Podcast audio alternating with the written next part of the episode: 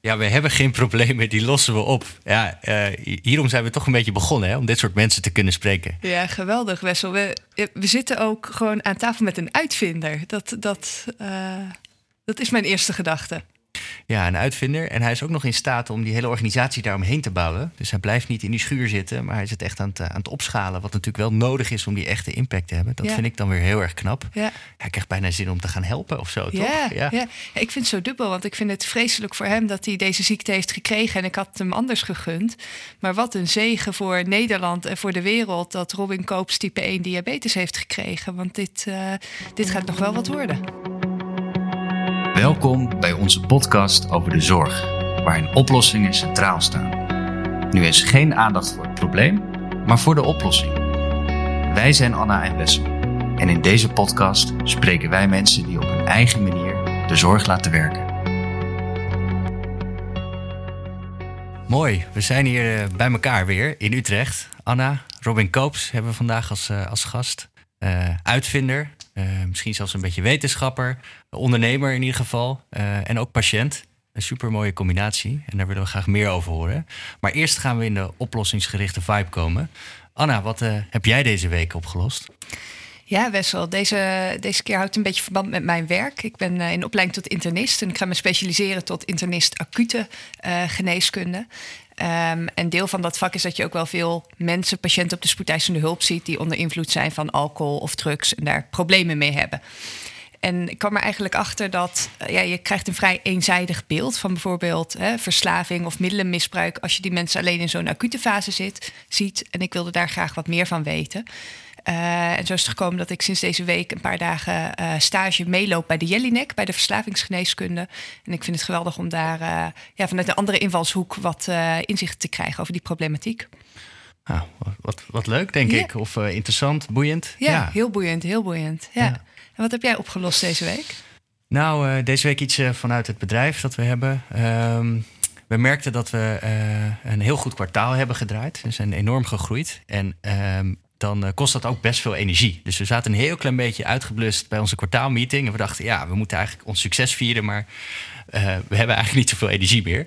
Dus we dachten, hoe kunnen we nu toch uh, iets vieren? Nou, alles is weer open na de COVID, dus we kunnen mooi gaan vieren. Dus we hebben nu een bedrijfspas gemaakt, die we iedere maand aan een ander team geven in ons bedrijf. Van ga maar lekker iets vieren. Dat kan een kookworkshop zijn.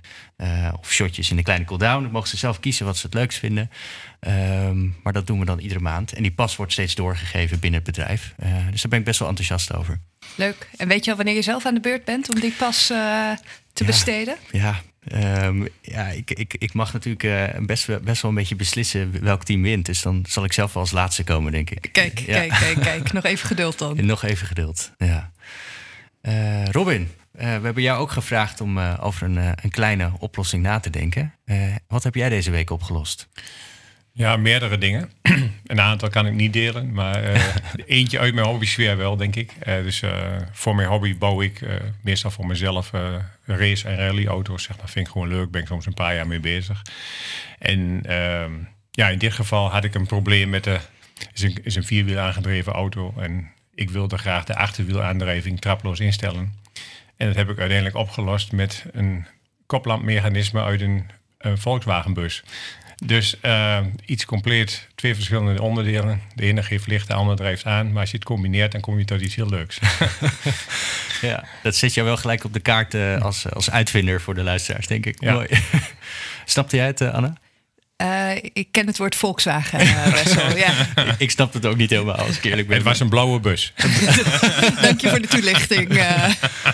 Nee, hartstikke mooi dat je, dat je hier bent vandaag. Um, we willen het over het probleem hebben dat je bent tegengekomen. kan je daar ons iets over vertellen? Ja, het probleem dat ik ben tegengekomen... uiteindelijk, een van de grootste problemen in mijn leven was natuurlijk mijn suikerziekte. Dus ja, en dat is van de een op de andere dag is best wel een confrontatie. En op dat moment besef je dat ook wel eigenlijk. Want ik moest ook huilen, dat weet ik nog wel heel goed.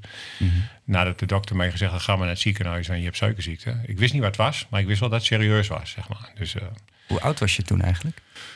Dat is altijd een moeilijke vraag. Volgens mij was ik 28 of 27, iets in die buurt. Ik weet het niet eens precies meer. Zeg maar. Ja. Dus ja. Je bent nu geloof ik 53, hè? Dus Eh, 55. 55, Ja. kijk. Maar dan Ja. zit er dus al best wel wat jaar, jaar tussen. Ja, zeker. Ja. En kun je ons nog eens meenemen naar dat, eh, dat begin? Je vertelde dat je, dat je ook moest huilen, dat het best wel indruk maakte. Kun je daar nog wat meer over vertellen? Nou ja, je voelt je natuurlijk al een hele tijd niet goed. Eh, en eh, je begint slechter te zien. Ik moest een keer naar de oogarts. Eh, ik moest heel veel plassen, zeg maar. Eh, maar ik had nog nooit van suikerziekte gehoord. Dus ik wist ook niet wat dat kon zijn. Totdat ik op een avond familie, bij mijn schoonmoeder eh, op de verjaardag zat. En eh, ja, mijn schoonmoeder zegt van, ja, maar dat is niet goed. Ik viel in slaap, eh, zeg maar. En ik moest naar de wc. Maar heb je geen suikerziekte? En dat is eigenlijk, dat moment was voor mij eigenlijk, ik denk van, oh, wat is dat dan? Dus ja, zo ging het eigenlijk.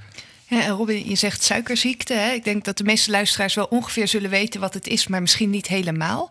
Kan je kort uitleggen wat de ziekte is en welke soort suikerziekte jij hebt? Ja, ik heb zelf type 1 diabetes. Dus het is eigenlijk een eh, auto-immuunziekte. Dus dat wil zeggen, je immuunsysteem schakelt eigenlijk eh, je alvleesklier uit. eh, je je alpha-beta-cellen, zeg maar. En waardoor er geen insuline meer geproduceerd wordt. En je dus ja, geen zeg maar, sleuteltjes meer hebt om suiker naar de cellen te krijgen. Dat is eigenlijk een beetje wat acute diabetes is, zeg maar. Ja. Ja. Ja, en dan heb je nog type 2. Dat is meer een ja, leefstijl gerelateerd, maar ook wel leeftijdsgerelateerde eh, variant, zeg maar. Waar, je- je, lichaam eh, slechter reageert op insuline. En dan heb je ook nog een type 3. En dat zijn mensen die acuut, eh, dat is nog een acutere ziekte, zeg maar, van di- diabetes. Maar dat is eigenlijk, daar komt de amputatie van de alvleesklier. Dat kan een oorzaak hebben in kanker, maar ook, ook in alvleesklierontsteking. Ja. En ik denk, ehm, wat dan ook nog het belangrijkste is om te weten, is dat je bij een type 1 en een type 3 diabetes uiteindelijk niet aan insuline ontkomt. Hè? Dat dat echte behandeling is. En bij een type 2 diabetes is dat soms wel, maar niet altijd nodig. Ja. Maar jij kreeg dus eigenlijk de diagnose van een auto-immuunziekte met daaraan vastgekoppeld een levenslange behandeling. Exact. Dus eh, vanaf dat moment eh, ja, word je een control freak, zeg maar. Dus dat is eigenlijk eh, wat het eh, tot gevolg heeft. Dus ja. Ja, en, en eh, kun je wat meer vertellen over dat gevolg? Nou ja, in eerste instantie eh, word je vier dagen opgenomen en dan word je de praktijk ingestuurd. Je wordt geleerd om te spuiten. Je hebt geen idee, zeg maar. Ik weet nog dat ik de eerste keer in de supermarkt liep allemaal koolhydraten te tellen op de pakken in de flessen. En ik denk, ja, maar dit is toch helemaal niks. Dus na tien jaar was ik daar ook goed zat, zeg maar. Dus eh, ja. ja, dat is eigenlijk de, de aanleiding geweest ook om uiteindelijk zeg maar, voor mezelf een oplossing te gaan bedenken. Ik denk, ja, dit, dit is, het, is, het is gewoon 24-7, 365 per jaar dag en nacht, letterlijk, zeg maar, ben je met die suikerziekte bezig. En als je een kind bent, zijn je ouders ermee bezig, zeg maar. Dus Ja. het is echt wel eh, heftig. Want wat je eigenlijk, als ik het goed begrijp, moet doen, is omdat je eigen lichaam niet meer de functie heeft om goed te reageren op de hoeveelheid suiker of koolhydraten, die uiteindelijk ook suikers worden, te meten en daarop te reageren, moet je eigenlijk die hele functie zelf overnemen en zelf goed tellen hoeveel suiker er binnenkomt en hoeveel insuline je jezelf dan moet toedienen. ja, dat is eigenlijk eh, dat is de basis. Maar er zijn iets van 40 verschillende invloeden op, op je glucosewaarde. En daar ga je er maar eentje, is wel een belangrijke, maar je gaat er maar eentje van regelen eigenlijk. Dus al die anderen hebben ook invloed. En dat kan hormonen zijn, en dat kunnen alle, eh, zeg maar, geloof ik 42 verschillende factoren die invloed hebben op je glucosewaarde. Dat is ondoenlijk. En ineens moet je daar dus rekening mee gaan houden. Ik kan me voorstellen dat het best wel een eh, enorme belasting is. Zeker als je jarenlang dat niet hebt hoeven doen. Ehm, en eigenlijk vond je die belasting zo groot dat je dacht: hier wil ik eigenlijk eh, me niet bij neerleggen. Ik wil hier iets aan doen. Eh, klopt dat? Ja, dat klopt. Dus eh, het is met name, zeg maar, wat ik het zwaarste zelf aan suikerziekte altijd vond, het continu alert moeten zijn. Je moet eigenlijk, ga maar eens in een stad lopen en je moet continu achterom kijken, zeg maar. Dat. En, en dan in dag en nacht. Ja. En dan reageer je erop en dan weet je dat het niet goed is, zeg maar. Dus ja. ja. Hoe was jouw contact met de artsen en de verpleegkundigen in die tijd? Kun je daar iets over vertellen? Ja, heel goed. De, de- dus dat was op zich het probleem niet, zeg maar. Waar ik mij wel aan stoorde. Ik had ook al eens aangegeven van, nou, kan ik niet meedoen aan een onderzoek? Of, eh, nou, ja, we zetten nu op het lijstje. Nou, ik sta er denk ik nog op. Dus dat, dat, dat is een beetje de trend. En dat is ook de onmacht, zeg maar, ook, ook van, de, van de medici, zeg maar. Dus er is heel weinig, relatief weinig bekend over suikerziekte. Zeker de kennis in de dagelijkse praktijk, het druppelt lang altijd niet helemaal door. En ja, eh, dus die mensen doen hun best. Maar hetzelfde als jij probeert mijn suiker te sturen. Dat lukt niet. En zeker niet in twee keer tien minuten per jaar, zeg maar. Dat, gaat, dat wordt hem niet, zeg Hm. maar. Dus ja. Eh, Robin, je hebt toen eigenlijk zelf iets bedacht om je ziekte beter onder controle te krijgen. Of in ieder geval op een prettigere manier. Vertel eens. Ja, nou ja, ik wist natuurlijk vanuit mijn tien jaar, ik denk, ja, weet je, waar gaat het fout? Bij mijzelf. Dat is eigenlijk, eh, en ik kan niet de hele dag alleen maar alert zijn. Eh, het gaat dus fout bij de patiënt. Eh, En dat is geen verwijt, maar het is een gevolg van, zeg maar. En dus toen dacht ik van, ja, als ik nou probeer, zeg maar, dat te regelen, ja, eh, door een apparaatje, en ik wist dat op dat moment insulinepompen waren, maar die, die deden dat ook niet, zeg maar. Dan kan ik dat loslaten en dan, is, hoef ik er ook niet aan te denken en dan gaat het veel beter. Dat, dat was mijn eerste gedachte. En hoe, ja, hoe doe je dat dan? Nou, als je iets wilt regelen, ik ben techneut, dan moet je twee kanten op kunnen sturen. Hè? Dus als je op, op je fiets zit en je kunt alleen maar rechtuit en naar rechts, nou, het duurt geen 100 meter, dan lig je echt in de sloot. Zeg maar. En dat is natuurlijk wat een diabetes continu ervaart. En, die, en het gekke is, je eigen alvleesklier doet dat ook zo. Daar kwam ik jaren later pas achter dat een dokter mij dat uitlegde. Maar ik ben puur vanuit de techniek links en rechts gaan sturen. En dat heb ik met insuline. En eh, op een gegeven moment stond, ik voor de koelkast en denk, hoe ga ik nou de andere kant op? Hé, hey, glucagon. Ben ik de bijsluiter eens gaan lezen. En zo is het eigenlijk eh, echt letterlijk ontstaan, zeg maar. En nu valt er een woord glucagon. Ja. Insuline kennen we een beetje. Dat zei je net al, dat is het sleuteltje om suiker je cellen in te krijgen. Wat doet glucagon? Ja, glucagon is gewoon een lichaams-eigen hormoon, zeg maar, wat het lichaam zelf ook gebruikt. Want het lichaam kan zelf ook niet helemaal goed mikken met insuline. En die heeft een compensatiehormoon en dat heet glucagon. En wat, eh, als je een normaal eetpatroon hebt, zeg maar, slaat je lichaam ook glucosereserves op, zeg maar, in, in de lever. Eh noemen ze glucosereceptoren, zeg maar. En die glucose kun je weer vrijmaken met het hormoon wat glucagon heet, zeg maar. Dus eigenlijk heb je een voorraadje glucose in je bloedbaan zitten. Dat zit er altijd. eh, en dat kun je gewoon aanspreken. Alleen bij een diabetes werkt dat eigenlijk ook niet goed meer op een gegeven moment. Waardoor hypo's ook zwaarder worden, lage suikers. Ja, en ja, je moet dat hormoon eigenlijk weer toe gaan voegen. Eigenlijk kun je zeggen, een mens wordt geboren met twee benen. Je raakt ze allebei kwijt. En dan zegt de dokter, hier heb je er één terug. Succes. Ja, dat is eigenlijk eh, wat diabetes ook een beetje is. Heel symbolisch, zeg maar. Ja. En dan zonder die glucagon heb je bij een hypo eigenlijk als enige optie om weer meer suiker tot je te nemen. Hè? Dan, Ja. dan moet je echt wat gaan eten. Ja, Ja. eh, niet echt wat, zeg maar. Eh, het is best wel confronterend als je het gaat berekenen, zeg maar. Ik heb voor mezelf uitgerekend, ik had gemiddeld twee hypo's per dag. Dat zijn er dus 700 per jaar. Als ik tegen jou zeg, ik tegen een diabetes zeg, je hebt 700 hypo's per jaar. Zeg, ja, je bent hartstikke gek. Zeg, hoeveel heb je er per dag dan? Ja, twee. Dan heb je er dus 700 per jaar. Oké. Dus dat is een beetje hè, hoe, mensen ook daarnaar kijken. En eh, om dat te voorkomen, om in ieder geval die hypo's weer weg te krijgen, moest ik gewoon 14 kilo suiker, dextro, per jaar eten. Plus nog een litertje of 4, 5 pure ranja kocht ik. Dus, en dat zie je bij, als ik dat tegen diabetes vertel, ja, dat doe ik eigenlijk ook. Dus dat is eigenlijk niet gezond, zeg maar. Dus ja. En, en je hebt eh, onwijs veel kennis opgedaan in de loop der jaren over, over dit ziektebeeld. Ehm, kun je ons meenemen eh, naar dat begin, toen je eigenlijk nog niet die kennis volledig had? Hè? Dus eh, toen je bent gaan sleutelen aan de oplossingen. Waar, waar, ben je gestart? Je, je was gefrustreerd, het moet anders, ik wil probleemvrij kunnen leven. Maar hoe start je dan eigenlijk? Want heel veel patiënten zouden dat wel willen. Ja, nou, eh, misschien heb ik het geluk, zeg maar, dat ik eh, in, in, in- ja, ik was toen ook al zelfstandig ondernemer, zeg maar. Ik zat in de ontwikkeling van machines, je hebt een achtergrond in de werktuigbouwkunde. Ja, Ja, dus je echt technisch aangelegd. Ja, Ja. meet- en regeltechniek, zeg maar. Dus, dus dat, dat was eigenlijk het begin.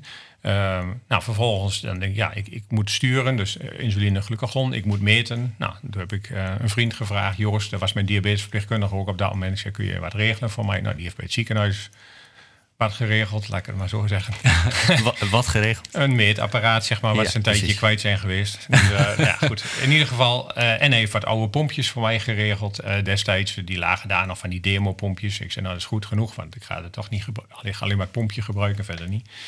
Nou, en zo ben, zijn we eigenlijk begonnen. Zijn we letterlijk bij mij in de schuur samen met een andere vriend van mij die software en elektronica opleiding heeft, zeg maar. En zo hebben we, ik- toen heb ik een algoritme bedacht. Van, nou, als, het dan al moet, werken, hoe moet ik dat dan doen?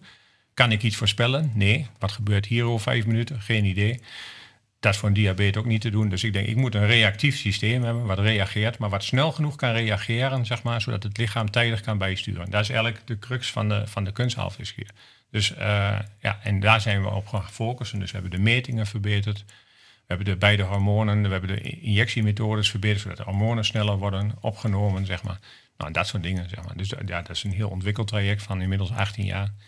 En ja, uh, veel onderzoek. En dat heeft uiteindelijk geresulteerd in een goed werkend systeem op dit moment. Ja, ja want je bent in 2004 begonnen met die ontwikkeling. Um, en je vertelde net al even dat je uh, nu drie of vier jaar zelf eigenlijk het apparaat ge gebruikt. Ja. Kun, kun je daar iets over vertellen hoe het je leven eigenlijk uh, veranderd heeft?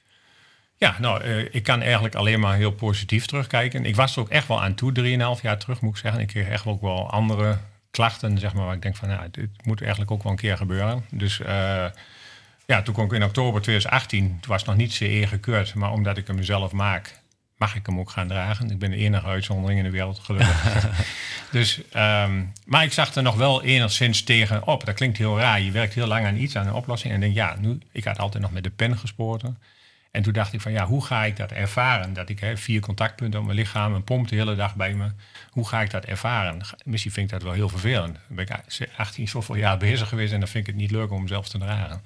Dus dat was voor mij ook een vraagteken. Uh, daar was ik al vrij snel van verlost. Want vanaf dat moment, uh, ja, eigenlijk vanaf het begin had ik redelijk al goede nachten. Ik sliep goed, mijn glucoses waren binnen de waarden, zeg maar. Uh, ja, je voelt je veel fitter. Hij deed het direct? Ja, gewoon, uh... nou, bij mij wel, zeg maar. Ja. Bij sommige mensen uh, duurt het wat langer. Die hebben gewoon meer complicaties vanuit hun ziekte. Al opgelukkig, als je 30 jaar suikerziekte hebt of 50 jaar, dan doet dat ook iets met een lichaam, zeg maar. Dus soms is het gewoon ook niet goed, ja, niet goed genoeg om aan te kunnen sluiten. Ja. Je zegt net, hij werkte bij jou meteen, gelukkig. Was er nog een punt, want ik kan me ook voorstellen, je hebt dat helemaal ontwikkeld en dan ga je hem echt gebruiken op jezelf. Ja. Was dat spannend, die eerste dagen? Nou, eigenlijk niet. Want ik, ik, ik wist wel dat die werkte. Want dat, dat is, het gaat een heel traject aan vooraf, zeg maar. Dus ik vond, ik vond dat gedeelte niet spannend. Het was voor mij meer de acceptatie om dagelijks met een apparaat te gaan lopen, zeg maar. En ik had dat natuurlijk wel eens gedaan, wel eens zes weken gedaan. Uh, maar dat is wat anders dan de rest van je leven, zeg maar. Dus, de, dus dat was voor mij wel een vraag van, ja, hoe gaat mijn huid op, op al die pleisters reageren? En, en nou, ik had ook wel vraagtekens, zeg maar. Dus... Uh, maar ik kan alleen maar zeggen, nou, na 3,5 jaar, ik heb eigenlijk helemaal niet meer door dat ik hem heb.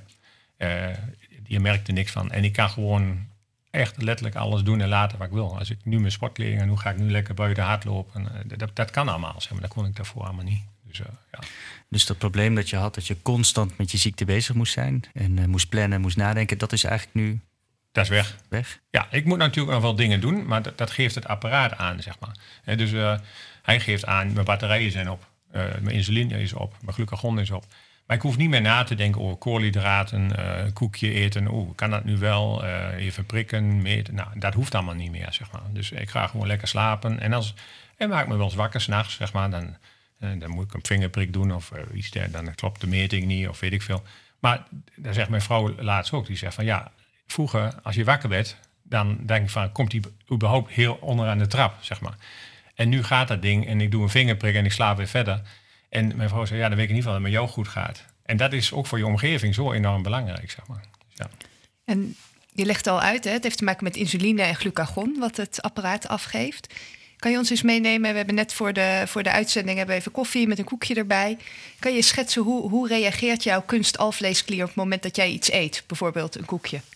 Nou, dat ligt eraan hoe mijn lichaam reageert op dat koekje.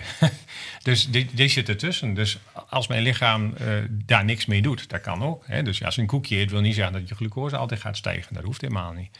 Ja, als dat niet gebeurt, doet hij niks.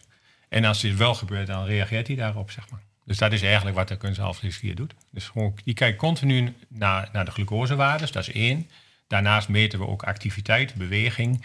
Uh, dus we kunnen ook zien hoe actief iemand is, zeg maar. Dus ook tijdens het sporten, dan, dan werkt het algoritme anders, zeg maar. Uh, nou, dat soort dingen. Dus uh, omdat je gevoeligheden veranderen, je spijsvertering verandert, zeg maar, onder het lopen. Dat heeft allemaal invloed op, zeg maar, je hele glucoseregeling. Dus, ja. Jij bent echt enorm geholpen als ik het zo hoor. maar daar stopte het niet voor jou, hè? Ehm, als je kijkt naar diabetes, een enorm enorm groot probleem eigenlijk in de wereld. Uh, en, en het lijkt wel alsof jij de heilige graal uh, te pakken hebt, als we zo luisteren. Uh, je bent doorgegaan op die missie, hè? Kan je daar iets over vertellen? Ja, zeker. Nou, daar hebben we altijd al wel een beetje als secundair doel gehad. Kijk, primair was het gewoon voor mijzelf. Daarom ben ik erbij begonnen om mijn probleem op te lossen. Nou, dat is gelukt. Klaar. Vervolgens zie je als dat lukt en je ziet de potentie daarvan, dan denk je, ja, dit wil je eigenlijk ook wel voor heel veel meer mensen kunnen realiseren. En uh, ja, dat wordt dan eigenlijk je vervolgmissie. Op dit moment uh, hebben we 125 mensen uh, samen met twee verzekeraars in projecten op, op het systeem staan. de eerste al bijna anderhalf jaar. De laatste zijn in februari van dit jaar opgestart. En dat is, ehm, ja, dat is heel mooi om te zien, zeg maar, dat die mensen in het begin ook wel struggelen soms. Uh, de ene gaat heel makkelijk, de andere heeft wat meer moeite, wat loslaten ook, zeg maar. Um, maar uh, ja, als je dan ziet dat als ze eenmaal lopen, zeg maar na drie, twee, drie maanden, het lichaam wordt stabieler, dat, dat, daar zit ook een genezingsproces, laat ik het maar zo zeggen. En dan, ja, dan zie je gewoon dat mensen hem ook eigenlijk niet meer kwijt willen, zeg maar. Dus dat is wel heel mooi om te zien. Dus dat, uh, dat, het doet echt wat, zeg maar. En dat zien we ook in de cijfers op dit moment is het in Nederland, ik geloof dat 28% van de diabeten hun behandeldoelstelling halen. Bij ons systeem na, na drie maanden zit al 95% haalt de behandeldoelstelling. En die andere 5% dat die zijn net opgestart of zo, die zitten nog niet daar. Dus ik denk dat we daar echt gewoon naar richting de 100% gaan. Dat iedereen gewoon zijn behandeldoelstelling haalt. En dat ligt dan niet meer aan de patiënt, maar dat is echt een prestatie van het apparaat.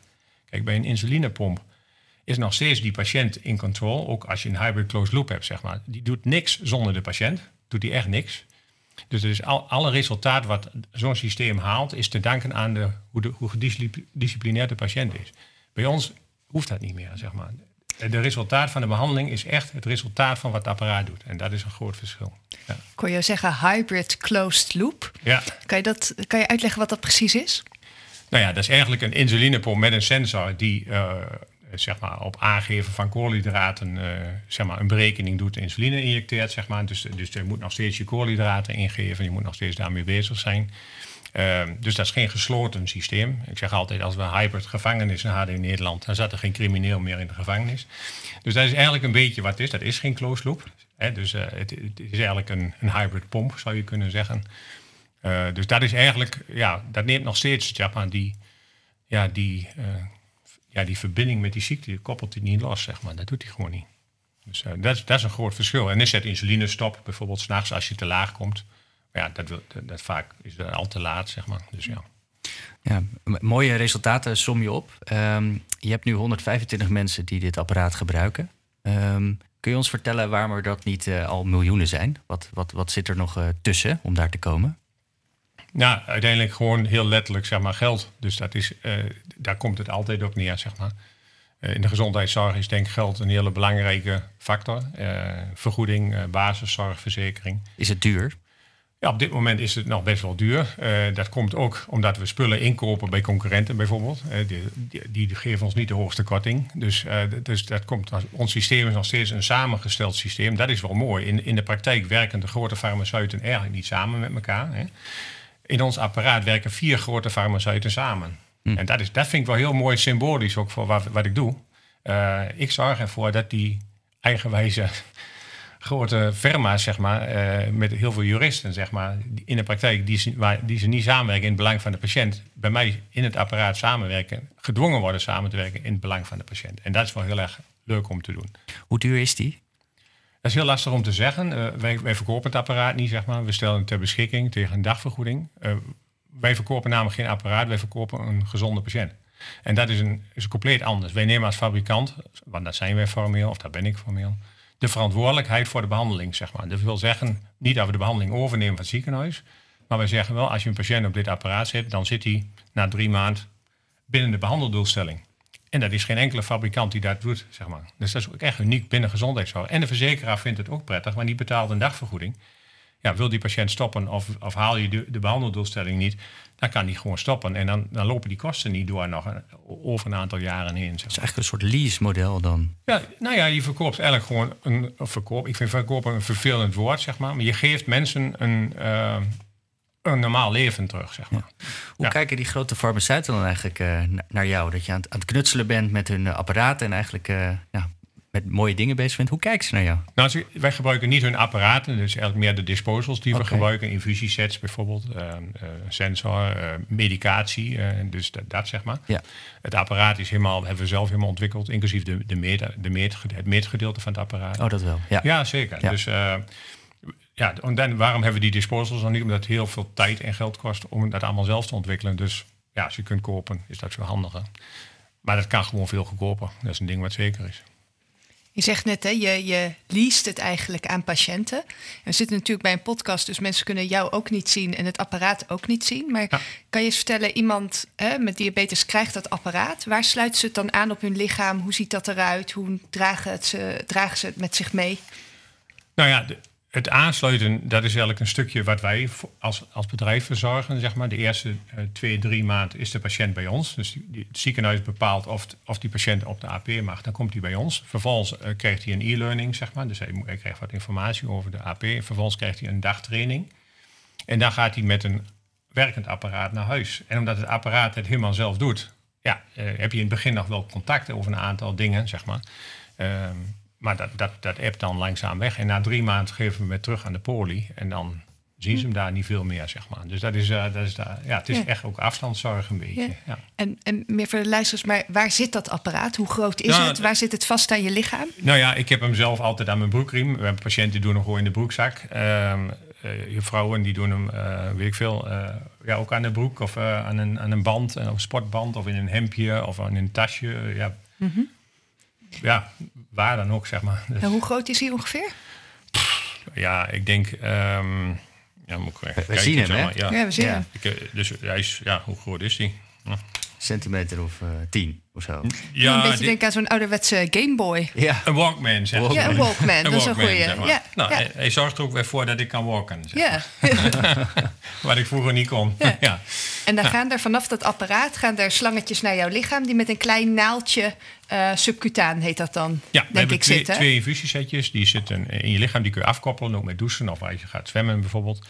Eh, en eh, de sensoren zijn draadloos. Die zijn ook waterdicht. Dus eh, ja, eh, dan kun je de, AP, de, de AP bijvoorbeeld in het zwembad kun je hem wegleggen. Dat heeft ook weinig zin. Onder water eh krijg je de radiosignaal toch niet binnen. Dus, dus dan kun je hem afdoen of als je gaat douchen. En voor de rest ja, is dit het ding er altijd aan, zeg maar. Ja. Ja, enorm vernieuwend. Hij is bihormonaal. Hij is ook zeg maar gemaakt zodat hij zelf leert. Dus Ja. dat hij leert over eh, eh, de persoon die hij aanstuurt eigenlijk. Klopt. Ehm, en het model dat jullie eromheen gemaakt hebben is eigenlijk ook eh, vernieuwend. Namelijk het lease-model. Ehm, ik wil toch nog even terug naar de, de farmaceuten. Wat die, hoe, die, hoe die hier nou naar kijken. Want ehm, willen die dit niet overnemen? Of zijn ze misschien wel tegen je? Kun je daar iets over vertellen? Ik heb geen idee, zeg maar. om heel eerlijk te zijn ben ik daar ook niet echt mee bezig. Ik focus me heel erg op, op wat we zelf doen. Daar heb ik invloed op. En de Ja. rest boeit me eigenlijk niet zo. En Maar, maar je hebt wel geld nodig, zei je? Ja, En klopt. dat Ja. hebben farmaceuten wel. Eh, dus dus dat, ja. ja, maar er zijn ook heel veel diabetes en eh, die, mensen die suikerziekte hebben, die ook geld hebben. Zeg Ja. Dus, dus het, het is, het is een, eh, wij zoeken ons geld ook in andere, wij zoeken echt intrinsieke ja, vertel daar eens iets over. Hoe, hoe komen jullie aan het geld? Nou, bijvoorbeeld, eh, dat, kan, dat kan van stichtingen zijn of, eh, of een diabetesfonds heeft ons eh, geholpen de afgelopen jaren. Maar er zijn ook subsidies, maar ook ehm, ja, intrinsiek gemotiveerde investeerders. Dus mensen die echt iets goeds willen doen, zeg maar. eh, een bijdrage willen leveren aan een betere gezondheidszorg, zeg maar. En dat kan, vaak zitten dan suikerziekte ook al in de familie of indirect. Maar er, is echt, er zijn echt wel mensen die daar, ja, die daar echt een lans willen breken, zeg maar. In het begin was er ook een vrouw die een, een grote rol heeft gespeeld, begreep ik. Hè? Ja, klopt. Kan je daar iets over vertellen? Ja, nou, dat is eigenlijk. eh, op dat moment waren we ook weer natuurlijk, zoals wel vaker, op zoek naar geld. En ehm, dat is eh, inderdaad eh, via een stichting, zeg maar, stond op een gegeven moment een oude man bij ons onder aan de, stap, aan de trap. En dat kwam eigenlijk, mijn zoon had een paar weken daarvoor een presentatie gegeven ergens bij de Lions Club in Hengelo. En zo is dat contact gelegd. En die vrouw had, eh, is inmiddels overleden trouwens, maar die vrouw had eh, een kleinzoon met eh, suikerziekte. En die, had geld, die stelde daar geld voor ter beschikking via die andere oude man die toevallig vorige week is overleden. Dus ja, het is, ja, dat is, ja, is gewoon geluk, zeg maar, aan de ene kant. Aan de andere kant ja, heb je jezelf wel genoeg in de picture gespeeld op dat moment dat je ook opvalt, zeg maar. Ja. En dat mensen je ook vinden. Dus Ja. dat is de andere kant weer. En de familie heeft dat later overgenomen, zeg maar. Dus dat is wel heel erg gaaf. Ja.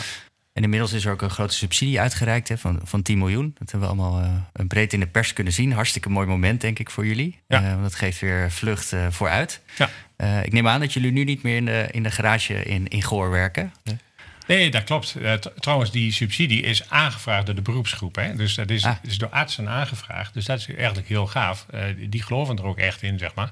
En, en dat is heel mooi om, om nog even te zeggen. Zeg maar. en, en natuurlijk gaan wij daar hebben wij daar een rol in. We moeten die apparatuur leveren en zo. Maar het, het wordt door UMC Utrecht uh, in samenwerking met andere, met zeven ziekenhuizen meer nog, zeg maar, wordt het project uitgerold. Zeg maar. Dus ja. En ook de onderzoekscomponent, hè? Uh, doe je samen met verschillende specialisten in ziekenhuizen? Ja, vaak werken we, we hebben heel veel samen. Uh, we werken nog steeds samen met, uh, met AMC bijvoorbeeld. voor UMC Amsterdam is het tegenwoordig. en Rijnstaat, daar doen we heel veel mee, zeg maar, in Arnhem. Dus ja, dat zijn gewoon mensen die al vanaf het begin erbij betrokken zijn. Ja. En dus, uh, en uh, ja, dat, dat, vind, dat is ook wel kenmerkend een beetje voor ons project. De mensen die er eenmaal bij betrokken zijn, blijven er ook gewoon eigenlijk, die zijn er allemaal nog steeds, zeg maar. Dus dat is wel heel gaaf. Ja.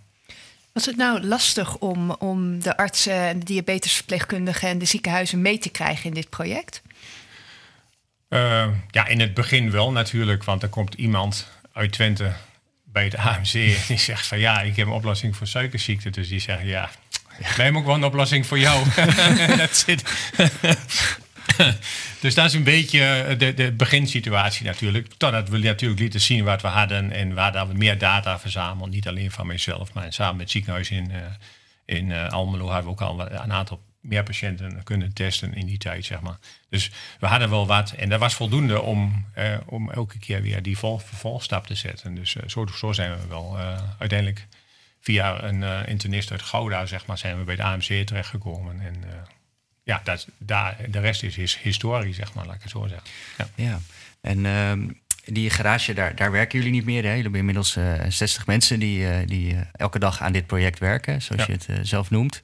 Uh, kun je daar iets over vertellen? Want jouw rol is denk ik ook enorm veranderd naar solistische uitvinder in het schuurtje naar CEO van een groot bedrijf. Ja, nou zo zie ik dat zelf. Ja, ik ben het wel, maar ik, zie mezelf nog steeds wel als uitvinder. Uh, het is inderdaad een hele stap uh, van, van klein naar groot, zeg maar. Maar ja, de, ehm, het voordeel van een techneut is zeg maar, dat je leert zeg maar, om problemen op te lossen. Uh, en ja, dat doe je ook in een organisatie en dat doe je met financiering. En dat doe je, dus dat is wel dat is mijn sterke kant, denk ik. Uh, creatief zijn en oplossingen bedenken en vervolgens weer verder gaan. En vooral niet te lang stilstaan bij negatieve dingen of, of mensen die negatief willen zijn. Boeiend. Wees lekker negatief. Wij gaan verder. Doei. Ja. Weg ja. vooruit, hè? Exact. ja. ja. ja. Stel je voor, je bent nu hè, patiënt met type 1 diabetes en, en je luistert deze podcast en je denkt verdraaid. Dat is wel een hele mooie oplossing. Kunnen mensen die dit willen of willen proberen zich melden en zijn er dan kunstalvleesklieren beschikbaar of uh, hoe gaat dat nu? Nou, op dit moment zitten de projecten die we nu draaien zitten vol. Uh, dit najaar uh, gaat natuurlijk uh, UMC Utrecht gaat veelbelovende zorg draaien, zeg maar, samen met zeven ziekenhuizen. Dus ik zou, als ik patiënt was, in ieder geval die website in de gaten houden. Maar ze gaan natuurlijk uiteindelijk, we hebben ze patiënten nodig. In totaal 250 of 240. Dus 120 in de controlegroep, 120 krijgen een AP. En die mogen we ook houden daarna. Um, ja, uh, daarnaast gaan we uh, dit najaar nog ongeveer een, een, 80 patiënten behandelen zeg maar, met alvleesklierkanker. Dat is eigenlijk, zit nu in de pen. Daar heeft KWF ook een, uh, ja, een grant voor gegeven. Zeg maar. Dus er zal binnenkort ook wel wat meer over in de publiciteit gaan komen. Maar ja, dat is heel leuk. En we gaan kinderen testen deze zomer. Dus er zit nog genoeg in de pijplijn. Ja. ja eigenlijk op verschillende terreinen ehm, aan, aan te kijken welke toegevoegde waarde het kan hebben. Ja, op dit moment is het echt uitbreiden van de indicatie, onderzoek doen, verbreding, zeg maar. En uiteindelijk om klaar te zijn als veelbelovende zorg, zeg maar, straks, uh, laat maar even vanuit gaan, positief wordt afgesloten, zeg maar. Dat we dan ook gewoon, en dan komt het echt beschikbaar voor, in de breedte voor, voor, voor veel meer mensen. En dat is wel heel gaaf. ja. ja. Welk, tijdspad kijken we dan naar, denk je? Even ervan uitgaande dat alle onderzoeken die nog volgen gunstige resultaten opleveren. Is het, hebben we het over een paar jaar dat dit voor iedereen beschikbaar is? Of uh, duurt dat nog tien jaar? Het doel van Vezel ligt volgens mij ergens in 2024. Dus uh, om, om uiteindelijk de, een uitspraak van het Zorginstituut te krijgen, zeg maar, dat zal ergens in 2024 zijn. Dus ja. ja. En dan 2024, hè, we blijven even optimistisch, is hij beschikbaar voor iedereen die hem nodig heeft in Nederland. En in het buitenland hebben ze daar al lucht gekregen van deze uh, oplossing? Zeker wel. Dus, uh, maar ja, wij doen het liefst ons ding in de achtertuin. Korte lijntjes. Uh, je, je moet zoveel ontwikkelen nou, rondom het apparaat. Het apparaat is één, maar je hebt, je hebt logistiek. En we hebben natuurlijk ook een portalsysteem waar we medisch en technisch afstand. eh, dus echt, als je dus praat over zorg op afstand, da- dan moet je naar de AP kijken, want dat is echt op die manier ook ingericht. Ehm, maar we willen toch, eh, we zijn met België in gesprek, zeg maar. Daar, daar zijn contacten, Denemarken. Ehm, recentelijk ehm, is er ook een belangstelling vanuit Amerika. Dat is allemaal leuk. Maar ik ben wel heel nuchter en weet je, ik wil het gewoon eerst hier gefixt hebben, zeg maar. En dan gaan we de, volgende, de vervolgstappen bepalen. Zeg maar. Niet dat we er niet mee bezig zijn, maar het heeft niet dit moment de allerhoogste prioriteit. eh, laat maar even zeggen van we gaan eerst voor Nederland. Dus, eh, ja. Wanneer is het gefixt voor jou? Wanneer heb je. Wat is, wat is het doel? Nou, voor mijzelf is het al gefixt. Ja, dat is al geregeld. voor Ja. 125 mensen ook, zeg maar. Eh, het is voor mij inderdaad gefixt als we uiteindelijk die- die basis, in die basiszorg terecht kunnen komen, zeg maar. En dat meer mensen dit kunnen ervaren. Dus- Maar stel je de impact nou eens voor. Nu heb je, je hebt 150.000 type 1 in Nederland. 28% daarvan haalt de behandeldoelstelling. Dus 72% niet. Stel dat je die 28% naar 95 of 100, bijna 100% zou kunnen krijgen, in theorie. Hè, als mensen een apparaat willen. Maar stel, stel dat dat kan. Wat een gezondheidswind levert dat op voor heel Nederland. Hè, dus we hebben nu al patiënten die langer kunnen werken. Die gewoon weer denken om überhaupt te gaan werken, zeg maar. Die afgekeurd zijn. Bedenk al dat soort dingen. Mensen zijn, worden veel efficiënter in de, in de praktijk. Er zijn zoveel dingen eh, die, die daar impact. Dus dat zou een enorme, dat zou, als je praat over een aardverschuiving, zeg maar, in de diabeteszorg, dan is dit een aardverschuiving, denk ik. K- Kunnen wij investeren eigenlijk? Wel? Ja, weet je, ehm, op dit moment, ik, ik, misschien dat we ooit een keer zeggen we, we brengen het heel geheel naar de mens toe. En dat wil zeggen in dat geval dat we dan bijvoorbeeld naar, een, een keer naar een beurs toe gaan, dat weet ik niet. Op dit moment willen we gewoon voor ons focussen zeg maar, op Ja. wat we doen Ja. met de mensen die de juiste mindset hebben, zeg maar. En dan willen we terwijl niet al die afleiding van Nee. financiële prikkels en weet ik al, maar dat Nee, heb ik het is dus ook niet nodig op het moment eigenlijk. eh. Op dit moment, nee, op dit moment niet. Gelukkig niet. En we zien vaak als mensen eh, problemen oplossen, eh, dat er ook weer nieuwe problemen ontstaan. Kun je, kun je daar eh, ons iets over vertellen? Is dat bij jou ook zo gebeurd? Ja, uite- uiteindelijk is dat zo, zeg maar. Dus kijk, ehm, je had het net over verslavingszorg. Hè? Dus dat is misschien wel een, mooi bruggetje. Ehm, diabetes is natuurlijk een ernstige ziekte. Hè? Dus elk jaar gaan er 38.000 diabetes dood in Nederland, zeg maar. En de gemiddelde leeftijd van diabetes is 67. Dat is een onderzoek van het Diabetesfonds, hebben ze vorig jaar gepubliceerd. Dus het is een ernstige ziekte. Ehm, ja, wat wil ik nou eigenlijk zeggen? De, ehm, wat was de vraag nog één keer? Ja, volgens mij eh, eh, hadden we het over dat er bij een oplossing ook altijd weer nieuwe problemen ontstaan. Ja, nou, dat wil ik zeggen. Dus, dus op het moment, de gemiddelde leeftijd van die 125 mensen die wij nu hebben, is, is eh, gemiddelde leeft, leeftijd als ze diabetes hebben, is bijna 30 jaar, 29 nog wat. Dus ehm, dat doet iets met een lichaam, zeg maar. En, en niet alleen met een lichaam, maar ook met wat we net al schetsen. Je bent er dag en nacht mee bezig. Dat doet ook iets met je geest. Ehm, dus de mensen die wij krijgen, eh, zijn vaak mensen die dus eigenlijk ja, de controle, gewend zijn de controle over zichzelf te hebben. En dat vinden ze lastig om los te laten. Een deel vindt dat lastig, een deel kan dat ook niet, zeg maar. En we hebben natuurlijk gewoon ook de medische, eh, het lichamelijke verhaal. Dus elke een soort lichamelijke verslaving, dat op en neer gaan, die suikers, net als mensen met overgewicht, zeg maar, stop met eten, dat werkt niet, zeg maar. Dus dat is eigenlijk, als dat 30 jaar lang op en neer gaat, dat is niet zo, dat appt niet zo weg. Dat duurt een aantal weken, eh, misschien wel, dat kan tot misschien toch wel een half jaar duren. Je bedoelt dat mensen echt moeten afkicken als ze Dat starten? hoor, ik, ja, dat hoor ik ook letterlijk van patiënten. Ik heb echt moeten afkicken, zeg maar. Dus als jij gewoon je gemiddelde glucose zeg maar, op 10 zit... en die AP die zet hem naar 6 of 7 of 8... Dat, dat voel jij, dat, dat, dat ga je merken, zeg maar. En dan moet je ook nog je, de controle die je dacht altijd te hebben, zeg maar... want dat is natuurlijk, je hebt geen controle, hè, maar, maar die, die je denkt te hebben...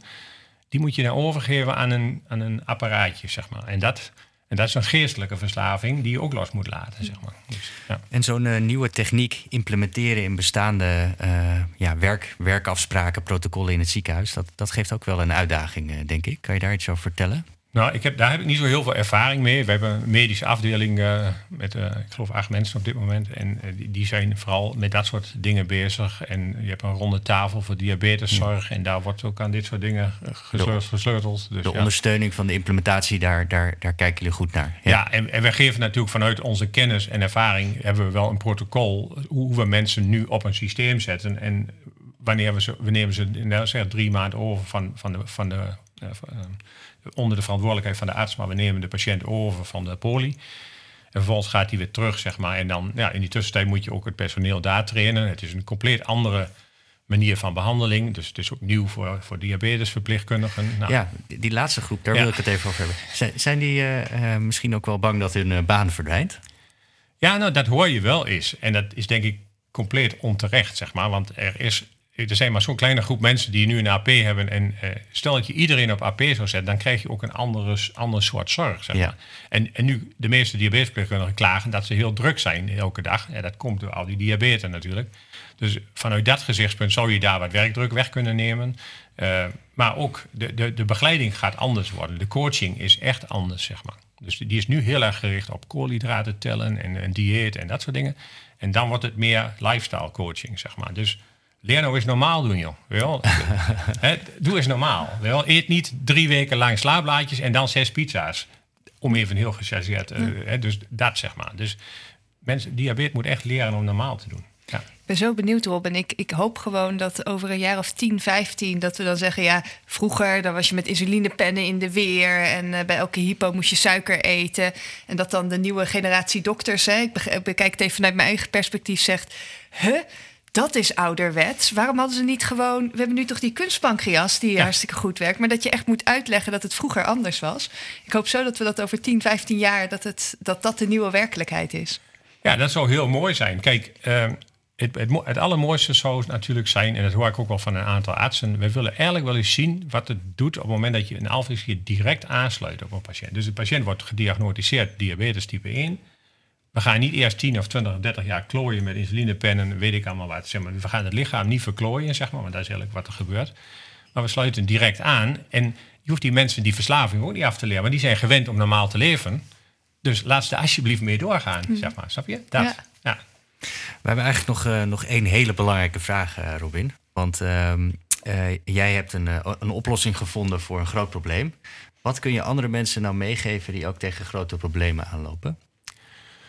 Ja, pak ze gewoon bij de kop. Ga, ga niet uh, denken dat je het niet kan. Hoe vaak mensen niet tegen mij gezegd hebben van dat kan niet. Nou, dat kan ik hier niet eens in, uh, in drie kwartier uh, achter elkaar. dat lukt niet, zeg maar. En er is altijd een oplossing voor iets. De, dus hoe, de, hoe, hoe het ook loopt, zeg maar, er is altijd, bij elk probleem is een oplossing te bedenken. Zeg maar. En dus laat je vooral niet weerhouden. En ik ben op dit moment ook beoordelaar zeg maar, bij Health Holland zeg maar, in, in citizen science projecten. Zeg maar. En daar zie je dat ook heel mooi. Er is heel veel, er zijn, bij, bij de mensen zijn er heel veel ideeën. Die hebben een probleem en die willen een oplossing. Maar vervolgens lopen ze vast in de wetenschap die niet toegankelijk is. Uh, in, in geld wat ze niet kunnen vinden. En, en dan strandt het weer. Uh, en ja, dat is de unieke combinatie die ik heb. Dat heeft ook niet iedereen, zeg maar. Dat je ondernemer bent, enigszins geld ter beschikking hebt. Uh, technisch een oplossing kunt bedenken voor je eigen probleem dat, is, dat komt ook wel bij één persoon een beetje bij elkaar. En dat is natuurlijk niet altijd zo. Maar zoek dan gewoon naar mensen. Ik zeg altijd, wie niet kan delen, kan niet vermenigvuldigen. Dus je moet je probleem delen. En dan zijn er andere mensen die je kunnen helpen met het vermenigvuldigen. Die hebben wel een oplossing voor dat. En dat is eigenlijk de hele rode draad door in Reda, zeg maar. Tot op dit moment doen we dat nog steeds. Problemen, die lossen we op. We hebben geen problemen. Dat vind ik nou een mooie uitsmijter. Dankjewel, uh, Robin. Dankjewel, Robin. Graag gedaan. Dit was weer een aflevering van het tweede seizoen van onze podcast De Zorg Laten Werken. Wat een gast is Robin. Van patiënt naar uitvinder naar ondernemer. Wij twijfelen er niet aan dat de kunstmatige alvleesklier op de markt gaat komen. Ben je ook onder de indruk van deze oplosser? Deel de podcast dan in je eigen netwerk en vergeet je vooral niet te abonneren op De Zorg Laten Werken. Tot de volgende aflevering.